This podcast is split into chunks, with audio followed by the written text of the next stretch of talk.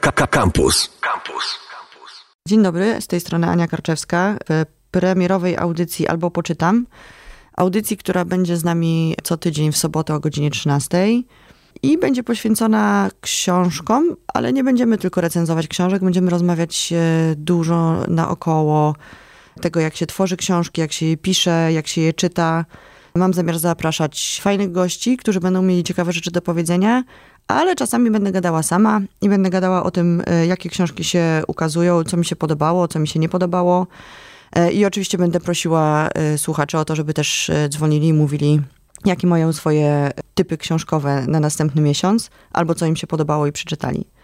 A dzisiaj chciałabym zacząć rozmową w ramach Nocy Księgarni, która między 15 a 17 października dzieje się w całej Polsce. Noc Księgarni dzieje się po raz drugi. Tym razem w związku z tym, że pandemia nas zeżarła, odbywa się głównie online. W zasadzie tylko online, poza tym, że można odwiedzać księgarnie i kupować książki. I jednym z takich tematów przewodnich Nocy Księgarni w tym roku jest e, jubileusz e, setnej rocznicy urodzin e, Leopolda Tyrmanda. Obchodzimy też rok Tyrmanda w Polsce i z tej okazji moim gościem będzie Marcel Woźniak, który jest tyrmandologiem. Poza tym jest jeszcze, tu sobie wypisałam nawet pisarzem, filmowcem, aktorem, rockmanem, radiowcem, scenarzystą, copywriterem, no i na końcu tym tyrmandologiem. E, mam nadzieję, że spotkanie e, będzie bardzo dla Was e, ciekawe. Ja jestem bardzo ciekawa odpowiedzi na pytania, które przygotowałam, więc czekamy. Noc księgarni, wydarzenie, które się odbywa po raz drugi w Polsce, w całej Polsce, w księgarniach, ponad 100 księgarniach w 40 miejscowościach i miastach. Między 15 a 17 października ogromna ilość e, wydarzeń. Wszystkie wydarzenia niestety z racji tego, że jesteśmy w żółtej albo czerwonej strefie, e, są wydarzeniami online.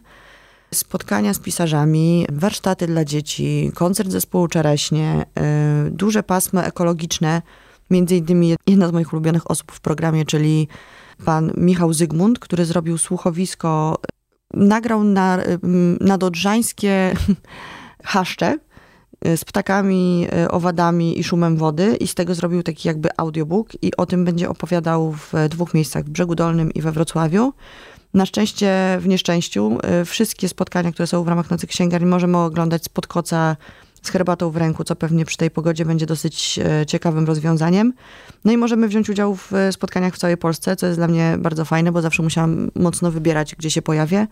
A teraz będę po prostu siedzieć i e, przełączać między wydarzeniami na Facebooku.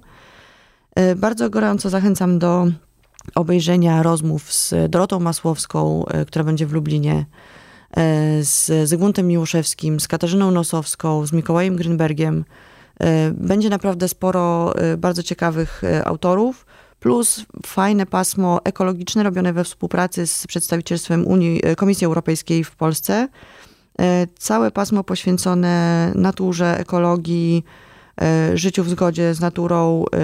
Bardzo ciekawe rzeczy. Polecam wejść na stronę www.nocksięgarni.pl i poszukać sobie swoich ulubionych wydarzeń i spędzić ten weekend w księgarniach kameralnych w całej Polsce online.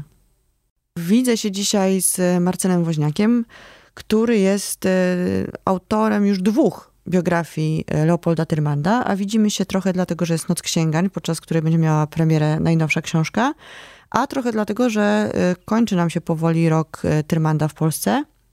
I chciałabym się dowiedzieć, ja wiem o Tyrmandzie mało.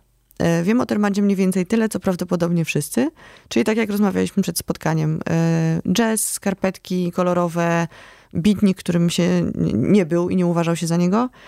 I chciałam się od ciebie dowiedzieć, e, jaka jest prawda o Tyrmandzie. Oczywiście mamy niedużo czasu na to, więc zachęcam wszystkich gorąco do przeczytania książki, która wyszła nakładem e, wydawnictwa Marginesy. Tyrmand, pisarz o białych oczach. E, wspaniała, bogato ilustrowana opowieść o, o tym doskonałym pisarzu robisz i robiłeś mnóstwo innych rzeczy przez całe swoje życie. Już wcześniej wymieniłam, że i grałeś w zespole, i robiłeś teatr, e, i byłeś copywriterem. Skąd nagle wzięła się w tobie potrzeba do takiego wnikliwego śledztwa i napisania o Tyrmandzie dwóch już biografii? Dodam, że byłem w radiu studenckim e, Sfera z Torunia. Pozdrawiam wszystkich radiowców. Wiesz co? No faktycznie od Termanda zaczęła się moja przygoda pisarska, która się przekształciła w pracę. do Tyrmanda trafiłem przez uczelnię, na której po prostu ktoś mi tego Tyrmanda podsunął, a później jakoś tak wyszło, że trafiłem do wydawnictwa. No i w takim dużym skrócie mogę powiedzieć, że się okazało, że po prostu o Tyrmandzie mało wiemy. Po prostu mało o nim było wiadomo. Było dużo książek, artykułów kolorowych właśnie co roku jakiś artykuł, kobiety Tyrmanda, skarpetki mhm. Tyrmanda, jazz, bikiniarze i to fajnie, że no facet urodził się 100 lat temu, napisał kilka książek, wyjechał z Polski w 60 latach i dzisiaj ludzie mówią, a Tyrmand to kurczę takie nazwisko, że to ciężko pomylić z żadnym innym. Natomiast faktycznie nie jest to do końca jakby prawda, w zasadzie to nie jest prawda, to jest jakaś tam część prawdy. E, I mnie zaciekawił Tyrmand jako osobowość, jako człowiek o wielu obliczach, jako człowiek, który był bardzo magnetyczną postacią, po prostu. Na, ja jak przeczytałem Złego, to mi się zapaliły oczy na biało, trochę jak w tytule mojej książki. E, I nie przez przypadek, bo Zły jest wypadkową tego, jaki Tyrman był. To, co robił, jak pisał, co myślał o świecie. Ta książka jest taka jak Tyrman. To jest po prostu przedziwna, niezwykła, kolorowa, taka jak, jak ta postać. I kiedy pisałem o nim książkę, czyli jakby już miałem troszkę inny warsztat do wykorzystania niż na studiach, gdzieś podróże, kwerendy, wywiady, tak stałem się bardziej reporterem śledczym, nawet trochę archiwistą, no to się okazało, że coś tu nie gra w tej historii, że tak naprawdę wcale nie był bikiniarzem, wcale nie nosił kolorowych skarpetek, wcale nie miał tylu romansów, wcale nie był takim imprezowiczem. Że tak naprawdę są takie luki w tej historii Tyrmanda, bo dla tych z Państwa, którzy nie wiedzą, no to no facet w latach 50. napisał książkę, która była największym polskim bestsellerem. Zły to, była, to był taki hit, że z miejsca pobił na, jeśli o ile wtedy była taka lista mm. bestsellerów, no to pobił trylogię Sienkiewicza, którą wszyscy znamy. A, a złego się sprzedało więcej. E, to był wreszcie człowiek, o którym dzisiaj powiedzielibyśmy celebryta o YouTube'owych zasięgach. E, rozpoznawalny ludzie po prostu przechodzili z drugiej strony ulicy, żeby się z nim, no nie sfotografować, ale chociaż zagadać, zagaić, przejść kawałek się z nim. Mm, a potem wyjechał, zniknął. I nagle, o co chodzi w tej historii? No i nagle się okazuje, że Tyrman to jest taka gombrowiczowska gęba, taki, tak jak mamy Zbyszka Cebulskiego w tych okularach fotochromowych, jak mamy, nie wiem, Grzegorza Ciechowskiego w, w tych biało-czarnych gdzieś tam barwach, nie wiem, Lecha Wałęsę z cumiastym wąsem, no to mamy Tyrmanda w skarpetkach i cześć, nie? No to nie było tak. No i pisząc książkę pierwszą, zdarzyłem się z tymi faktami, z tymi historiami, napisałem o tym, jak umiałem. A potem się okazało, że tej prawdy jest dużo, dużo, dużo więcej, że ani objętość książki nie była w stanie tego udźwignąć, bo wydawca powiedział, wow, jakby no mamy tutaj tam 16 chyba arkuszy, a ja miałem na dwa razy więcej tej książki. Ale druga rzecz, ja zacząłem z Tyrmandem podróżować i jeździć, odbywać spotkania autorskie, tylko, że zamiast mówić, zacząłem słuchać i się okazało, że ludzie mają swoje historie, że nie ja pierwszy Tyrmanda szukałem, nie jego pierwszy zgubiłem, a potem znowu odnalazłem, że się okazało, że ludzie naprawdę mają książki jego na półkach, że nie wiem, Zygmunt Miłuszewski powiedział mi kiedyś, że miał Tyrmanda między Pismem Świętym a Panem Tadeuszem na półce. Oczywiście brzmi to tak trochę symbolicznie, no ale może ktoś tam to od czapy postawił, ale czemu właśnie tam, mhm. prawda? Więc y, kiedy wziąłem się za tą książkę drugą, a było to jakieś tam powiedzmy dwa lata temu, ta myśl zakiełkowałem, to zdałem sobie sprawę, że po prostu trzeba opowiedzieć historię taką, jaką była.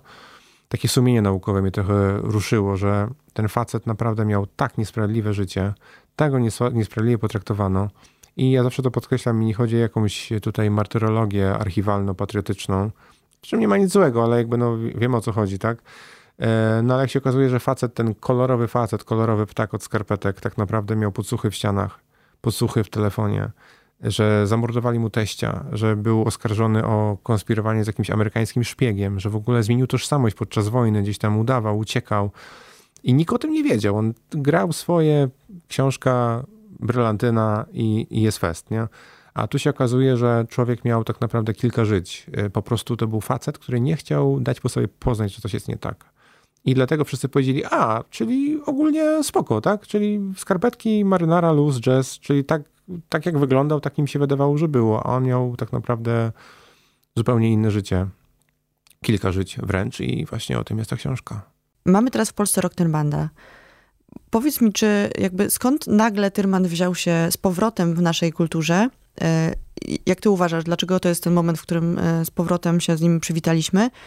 I czy podczas roku Tyrmanda faktycznie w twojej perspektywie wydarzyło się coś, co może tego Tyrmanda poza twoją książką przybliżyć, oswoić i być może wprowadzić na nowo do tego obiegu kultury? Uważam, że tak. Mm, może od końca zacznę. Ja dopóki się nie zająłem Tyrmandem, to przyznam szczerze, że nie wiedziałem do końca, co się dzieje w związku z rokiem jednego czy drugiego pisarza, czy kompozytora, bo był rok Moniuszki, Chopina, prawda? Mm, działo się bardzo dużo. To są chociażby spotkania w bibliotekach, to są wystawy, że jedna, druga, trzecia, piąta biblioteka o tym panu mówi, o tym mhm. panu pisze, że jedna, druga, trzecia gazeta o tym pisarzu pisze. I naprawdę jest tego sporo. Gdyby nie pandemia, byłoby tego więcej, ale gdyby nie pandemia, wszyscy wszystkiego mielibyśmy mhm. więcej, więc to jakby nie jest zupełnie argument. Można powiedzieć, że faktycznie, no, gdyby rok Tyrmanda to był rok 2019, pewnie byłoby więcej. Ale wtedy się czytało mniej książek niż w tym roku, z tego co wiem, i mniej się słuchało audiobooków, więc no jest jak jest. Tyrman zawsze był szprychą w kole historii, więc teraz też nią jest. No ale wiesz, no na przykład jest pomnik Termanda w Darłowie, nad morzem, mhm. bo tam się toczy akcja jednej z jego książek, tam kręcili film na podstawie jego książki i tam jest taka pani Krysia, pani Krysia kocha Termanda i pani Krysia jest radną i pani Krysia od pięciu lat zabiegała, chodziła za burmistrzem, go ciągnęła tam po prostu za marynarkę. Panie burmistrzu, panie burmistrzu, kiedy będzie budżet obywatelski, my chcemy Termanda.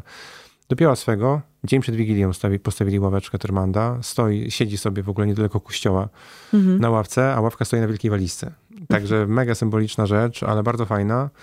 Mm, I w takim Darbowie naprawdę ogarniają temat. Mało tego, w Toruniu też ma, przepraszam, w Warszawie też ma być ławka Tyrmanda. Mhm. Polecam wszystkim śledzić budżet obywatelski, zwłaszcza tam dzielnice te śródmiejskie.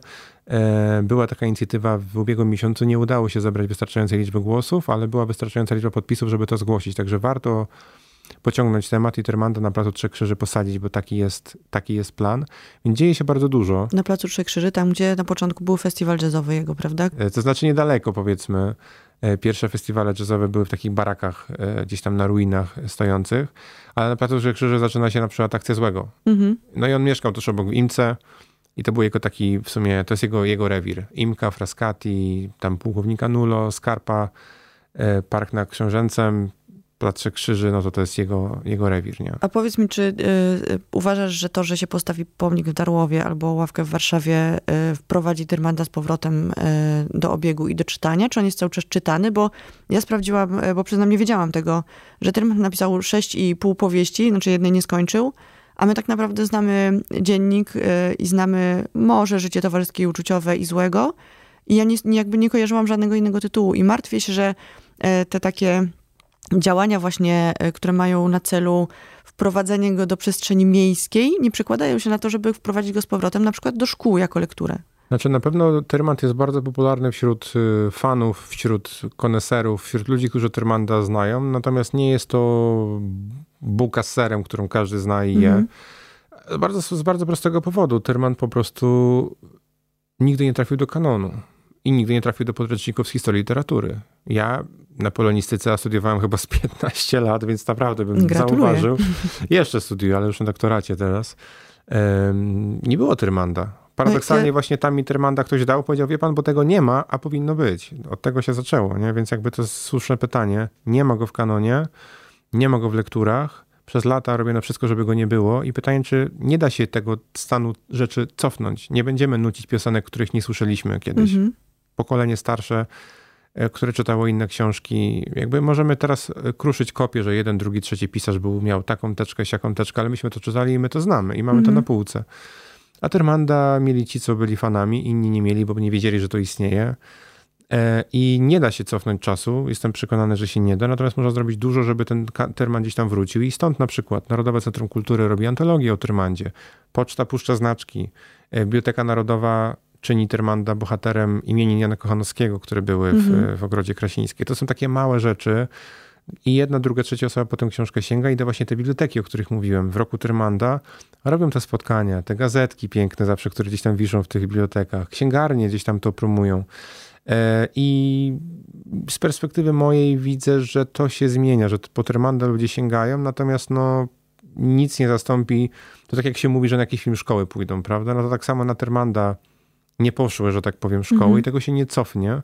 Natomiast można robić co innego. Można po prostu mówić, hej, był taki pisarz, który był niezwykły, który pisał wspaniałe książki, po prostu żeście o nim nie słyszeli. Macie, bierzcie, czytajcie. A jak jeszcze będziecie chcieli wiedzieć więcej, to zobaczcie, jakie miał życie. To dopiero jest historia. To dopiero jest numer, co on przeszedł. E, więc chociaż tyle i aż tyle. I teraz mam do ciebie pytanie, bo ty jakby przeszedłeś e, w zasadzie w butach Tyrmanda jego ścieżkę życiową. Wiesz dużo, nie wiem czy nie najwięcej. Podobno e, gdzieś wyczytałam w jakimś wywiadzie, że mówiłeś jego dzieciom rzeczy, których one nie wiedziały. E, więc możemy z tobą porozmawiać na temat tego. Co uważasz za takie rzeczy, które życie, których życie Tyrmanda może nas nauczyć? Jest, mnie bardzo uderzyło to, że E, Tyrmand przeszedł taką drogę od e, dosyć typową tak naprawdę, od osoby, która jest e, osobą imprezową, odważną, wyzwoloną, do tak naprawdę osoby pod koniec życia konserwatywnej i, i w, walczącej w Hollywood z, na przykład z wydawaniem takich pism jak Playboy, bo to już mhm. go raziło, to już mhm. było dla niego jakimś moralnie niestosowną rzeczą. I pytanie jest takie, skąd w Tyrmandzie taka przemiana? No bo przecież nie był, e, nie żył bardzo długo, więc, e, więc ta przemiana nastąpiła dosyć szybko tak naprawdę. Czy ty możesz jakoś e, opowiedzieć nam o tym? No, na pewno o Tyrmandzie trochę wiem, nie będę tu się silił na, jakieś, na jakąś sztuczną skromność, natomiast no, mimo wszystko nie wiem, czy wiem wszystko. Myślę, że są ludzie, którzy w różnych dziedzinach wiedzą więcej. Na przykład Dariusz Pachocki, odsyłam do jego książek, do zielonych notatników Tyrmanda, do listów z mrożkiem. Wspaniały naukowiec z Lublina. Wiesz co? W ogóle z Tyrmandem to jest tak, że on jest dzisiaj uniwersalny, bo my w ogóle odmrażamy historię. I to nie tą z pomników, tylko w ogóle różną. Te wszystkie książki, biografie, czy o Michalinie Wisłockiej, czy o Konopnickiej, nagle książka zupełnie inaczej pokazująca, nie wiem, Marię Dąbrowską. Mhm. Po prostu jakoś tak mamy taki oddech, który w kulturach, które nie były skażone komunizmem, jakby taki oddech zawsze gdzieś tam większy czy mniejszy był. A my jakoś dopiero teraz, to następne pokolenie potransformacyjne jakoś tak e, odważniej sięga po te biografie, bez patosu, tylko mówi jak jest. Interpretuje sobie tak jak chce, sięga po konteksty. No i w biografii Tyrmanda mamy bardzo wiele uniwersalnych kontekstów. Przede wszystkim to jest optymizm. E, ja usilnie prosiłem wydawcę, żeby w tą stronę pójść jakby z narracją tej książki, bo dla mnie Tyrmand to jest optymista. To jest człowiek, który nie miał lekko, który urodził się w zasymilowanej rodzinie Żydów w Warszawie, który przeżył Holokaust, który w zasadzie uciekł od Sowietów pod karabiny Niemców i uciekł do Niemiec, udając Francuzów, żeby przeżyć wojnę. Potem za komuny tak naprawdę walczył tak jak potrafił, tak jak umiał y, z komuną, zawsze szedł pod prąd. Jeszcze mu się udało zarobić na książce takie pieniądze, że z tego żył, a książka była jakby super i bez żadnych kolaboracji z władzą. Po prostu zrobił po swojemu. E, jednocześnie był jakim, jakąś tam twarzą czy przywódcą jakiegoś tam ruchu kulturowego. Jednak mówimy o, jeśli mówimy o jazzie, no to to jest naprawdę sztos, to co się wtedy działo w, i w Warszawie, a wcześniej w Sopocie. Mm, jazzmeni uznawali Tyrmanda za guru jazzu. Andrzej Trzaskowski E, czy Królewicz, czy Duduś Matuszkiewicz, to dla nich Terman był po prostu guru takiego słowa. Bo ten jazz przywiózł z Francji, prawda? Ze studiów we Francji. Tak, on przed wojną, właśnie dlatego podróże kształcą. Terman przed mhm. wojną był w Paryżu, poszedł na koncert Duke'a Ellingtona. To był taki połączenie Louisa Armstronga i Masa Davisa w jednym. I to jeszcze najsilniejszy line-up w ogóle ever wtedy w Paryżu grał. Dostał bilet przypadkiem od kolegi i to mu po prostu zostało w głowie. Więc Tyrman był obieży światem, optymistą, człowiekiem o niezwykłej sile woli i odwadze, który nie był ani wysoki, ani głośny, ani super przystojny, ani super silny, ale... Nie zgadzam się, był bardzo przystojny. A, no widzisz, no czyli jednak. E, I był po prostu, on takim siebie widział, e, jakim chciał siebie widzieć, a wiadomo, że to dzisiaj tego uczą na, na nie wiem, na jakiś tam... Coache. Coache od y, per, treningu personalnego i tak dalej, to on miał to wszystko w małym palcu. Ja w ogóle mówię zawsze, że on był takim komparatystą, moim zdaniem. On po prostu był antropologiem, który wszystko sobie łączył w różnych kontekstach od zawsze. No i w Stanach on znalazł się jako liberał z Europy, czyli mhm. człowiek, który walczy o wolność, o jazz, o swobodę wypowiedzi, o wolną prasę, o, o to, że robisz po prostu to, co chcesz, ale jednak masz we krwi jakąś tradycję, y, masz we krwi jakieś wartości, nie jesteś anarchistą, tylko jesteś Europejczykiem, który czerpie z tradycji helenistycznej, śródziemnomorskiej, judeochrześcijańskiej, z każdej. Mm, robisz rzeczy porządnie, kończysz je, jak je zaczynasz, jesteś jakby kulturalny, solidny, natomiast możesz robić, co chcesz, możesz być kim chcesz, możesz pisać o czym, o czym chcesz. Nikt ci niczego nie zabrania. Tak jak było za komuny, gdzie zabraniano. I on pojechał do Stanów, akurat trafił na taki moment rewolucji kulturalnej, gdzie ludzie walcząc z Nixonem czy z wojną w Wietnamie, widzieli wolność w, w, tam, gdzie uciskani są ludzie właśnie w komunistycznych krajach. Oni chcieli, żeby ludzie byli wolni, bo w komunizmie wszyscy są równi, a tutaj w tym kapitalistycznym kraju to właśnie jest walka, jakieś wojny gwiezdne z ZSRR, polityka, Watergate, a tam jest lepiej. I Tyrmand nagle został konserwatystą w tym sensie, bo on powiedział, ludzie w ogóle, o czym wy gadacie? Mhm. Facet podszedł do Tyrmanda i sobie czerwoną gwiazdę na twarzy namalował, a Tyrmand mówi, czekaj, ja tam byłem, halo, ja tam mhm. byłem, ja stamtąd uciekłem. Co wy gadacie? Oni mówią, ale z ciebie konserwatysta, w ogóle daj nam żyć. Podobno taki liberał z ciebie był. Mówi no, mówi, no tak, ale nie anarchista, nie jakiś, wiesz, kontrrewolucjonista. I wtedy w kręgach takich egalitarnych, intelektualnych się robiła moda w Nowym Jorku. Nowy Jork to jednak nie to, co Stany, to jest, to jest Nowy Jork po prostu. Mhm. Tam się robiła taka moda na antykomunizm tak naprawdę. To było modne być, an, mm, nie, przepraszam, anty-antykomunizm, czyli mhm. niekrytykowanie komunizmu było modne. O tak, to mhm. dzisiaj też mamy takie różne, prawda, w innych dziedzinach takie, że już nie wiemy, co jest dobre, co jest złe, bo bo, bo nie wiadomo, co do czego przyczepić. Bo to, wszystko zależy od kontekstu. Tak. I wtedy właśnie Tyrmand y, napisał taką książkę Cywilizacja komunizmu, taki pastisz na komunę, taki absurdy, taki bareja, tylko trochę bardziej na serio. I mu tego nie wydali, mu to wstrzymali, powiedzieli, żeby to przeredagował. On powiedział, co? To ja z Polski uciekałem, bo tam nie mogli mi pisać. Ja byłem największym ambasadorem Ameryki w Polsce. Przyjechałem do kraju wolności, gdzie są szeryfowie, preria, westerny, Elvis Presley, jazz, Hollywood. I wy mówicie, że ja nie mogę pisać? I pyk, trzasnął drzwiami i wyszedł. Mhm. No i zaczął się okopywać na, swoje, na tym swoim barbakanie tak naprawdę. Był freelancerem. I faktycznie pisał o tym świecie, który, który gdzieś tam mu się nie podoba. On był liberałem europejskim, takim z europejską tradycją, podczas gdy Stany galopowały w stronę konsumpcjonizmu i globalizacji. Mhm. I dla nich zakładanie kagańca na to, to był konserwatyzm. I Tyrmand y, po pierwsze, jest taka anegdota, zawsze o niej mówię, jak on był na spektaklu na Broadwayu i tam jakaś para kopulowała na scenie. I Tyrmand mówi, Boże święty, no i nikogo to nie dziwi, tak się spojrzał, wszyscy siedzą tam, nie wiem, nikt nic nie mówi. On mówi, Boże, to jak to nikogo nie dziwi, to co was tu zaszokować może jeszcze? Ale konserwatysta. I to ten Tyrman, co pierwszy tam opisywał swoje podwoje łóżkowe, a teraz sam się krzywi, prawda? Mm -hmm. Więc już trochę widać jakby z czego to się wzięło. No i wreszcie on też widział tą przemianę, jaka w mediach następuje, że media, które z założenia miało być tym wentylem bezpieczeństwa dla wolności, wolną prasą, tak naprawdę same stały się czwartą siłą, która może zmieniać rzeczywistość. A kiedy się pojawiły media masowe, telewizja satelitarna, tak jak w tym filmie Lumeta, sieć, gdzie można sterować gustami, modą, e, tym, co się kupuje, wyborami dzięki telewizji w każdym domu, w każdym stanie, nadawanej z jednego jakiegoś tam kołchoźnika e, wielkiego brata, to nagle się okazało, że to się niewiele różni od tych kołchoźników w komunie, że też się steruje ludźmi, tylko że się ich wysyła do Walmarta albo do McDonalda, e, albo na złoto Ameryki, a nie na partyjny spęd. I Tyrmand pisał, że, że media są zagrożeniem, takie media, że trzeba Dzień, nie może być tak, że dzień bez newsa to jest dzień stracony. Media mają inną rolę. I mówiono, to ty kneblujesz medium usta, jesteś konserwatystą. No i jakby, jakby łatwo dzisiaj jest wziąć sobie Tyrmanda za, za taki wzór cnót. Myślę, że dlatego też ten rok Tyrmanda, bo, bo władza uznała, że on jest raz człowiekiem wolności i słusznie, dwa bohaterem w pewnym sensie, wielkim człowiekiem i słusznie, ale też go wzięli za konserwatystę, mhm. ale to był inny konserwatyzm niż ten dzisiaj, który jest Czyli w Polsce. generalnie Tylman cały czas jest wyjmowany z kontekstu przez całe swoje życie. Tak, tak, tak. Więc ja strasznie, strasznie próbowałem oddać mu głos, ale wtedy mhm. słyszę, że jestem subiektywny. No, a, a co jest obiektywne w takim razie? No tak, ale ciężko się odciąć od, e, od osoby, którą się faktycznie, której się poświęciło dwie książki i, i ile lat życia? No ja go poznałem 10 lat temu, a piszę o nim od lat 5.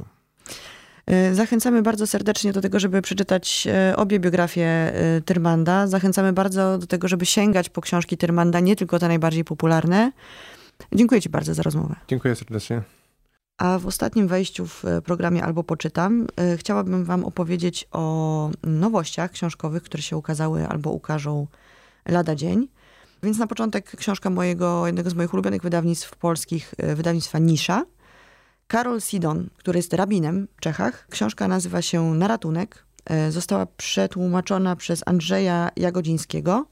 Jest to dosyć ciekawa historia, bo jest to historia żydowskiego superbohatera, krawca Tałesowicza, który dostał od proroka Eliasza e, magiczny tałes i magiczne tefilin i tymi dwiema magicznymi rzeczami e, radzi sobie w, rozwiązując problemy Żydów ze swojej, swojej społeczności. Książka jest przezabawna, świetnym językiem napisana, bardzo mądra i w bardzo fajny sposób można ją potraktować jako taką bajkę dla dorosłych, bo w bardzo ładny sposób, oprócz tego, że bawi, to uczy, a uczy tego, jak wygląda kultura i religia judaistyczna.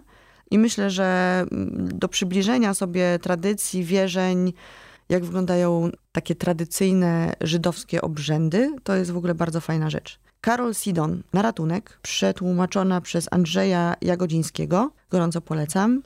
Druga rzecz to są opowieści niesamowite cztery e, z języka angielskiego, czyli to jest czwarta część cyklu wydawanego przez Państwowy Instytut Wydawniczy, który gromadzi opowieści grozy z różnych zakresów językowych. I teraz mamy angielski język, bo nie tylko angielskich autorów. Na liście nazwisk m.in. Dickens, Le Fanu, Lovecraft, Machen, Poe, Charlotte Perkins, Hadley James, czyli tacy autorzy, których mam nadzieję znacie albo przynajmniej kojarzycie z nazwiska. I opowieści niesamowite są wspaniałym, wspaniałą okazją, żeby jeżeli znacie nazwisko, a nie znacie twórczości pisarza albo pisarki, to fajnie jest sobie przeczytać te ich krótkie opowiadanie grozy i, i znaleźć sobie takiego, którego być może potem można będzie trochę zgłębić. Ja się zakochałam w opowiadaniu Dickensa, co mnie zdziwiło bardzo. Ale oczywiście Lovecraft znany wam na pewno y, też z bardzo dobrym opowiadaniem. Całość zbioru wybrana przez y, Maćka Płazę, specjalisty od grozy w y, Polsce. Przetłumaczona też w części przez niego, ale w ogóle na, na tą książką pracował zastęp doskonałych tłumaczek i tłumaczy, więc naprawdę ogromna przyjemność czytania. No i szczególnie w kontekście zbliżającego się dziado Halloween opowieści niesamowite cztery. Czwarta część cyklu wydawanego przez Państwowy Instytut Wydawniczy, więc bardzo Wam polecam. Kolejna książka to jest książka nowego wydawnictwa w Polsce, wydawnictwa Filtry. Jest to Dawid Sedaris, e, książka ma tytuł Kalipso. Została przetłumaczona przez Piotra Tarczyńskiego, posłowie napisał Jacek e, Denel. Piękną okładkę zrobiła Marta Konarzewska. I teraz tak, ja mm, przeczytałam posłowie Jacka Denela, które, powiem szczerze, nie, nie zachęciło mnie specjalnie do tej książki. Natomiast pewnie sięgnę po nią z takiego czysto kronikarskiego obowiązku, bo każde nowe wydawnictwo y, niszowe, które powstaje w Polsce jest y, naprawdę godne y, uwagi i zainteresowania. Jest to, jak ładnie napisała Dorota Masłowska, jest to takie zdjęcie rodzinne zrobione nie w czas w najgorszej możliwej chwili, czyli nie wtedy błysnął flash, ktoś się spojrzał nie tu, gdzie trzeba, e, wyszły na tym zdjęciu jakieś emocje, które, e, które nie powinny być na zdjęciu rodzinnym. I to, ten opis zachęcił mnie znacznie bardziej. Dawid Sedaris, e, książka ma tytuł Kalipso, więc dopisuję do swojej listy książek i jak przeczytam, to się z wami na pewno chętnie podzielę wrażeniami. No I następna rzecz to jest poezja która wyjdzie, ukaże się 15 października z, wydawnictwie Lokator, e, też jeden z moich ulubionych. Śródziemnomorze, pana i tu uwaga, bo to jest e, podstępne nazwisko, Jude Luis Barchetto Guimaras. Mam nadzieję, że przeczytałem dobrze. E, portugalskie nazwiska nie są łatwe do wymawiania przez osoby, które się na tym nie znają. Przetłumaczył książkę Gabriel Borowski i on na pewno wie, jak się czyta to nazwisko.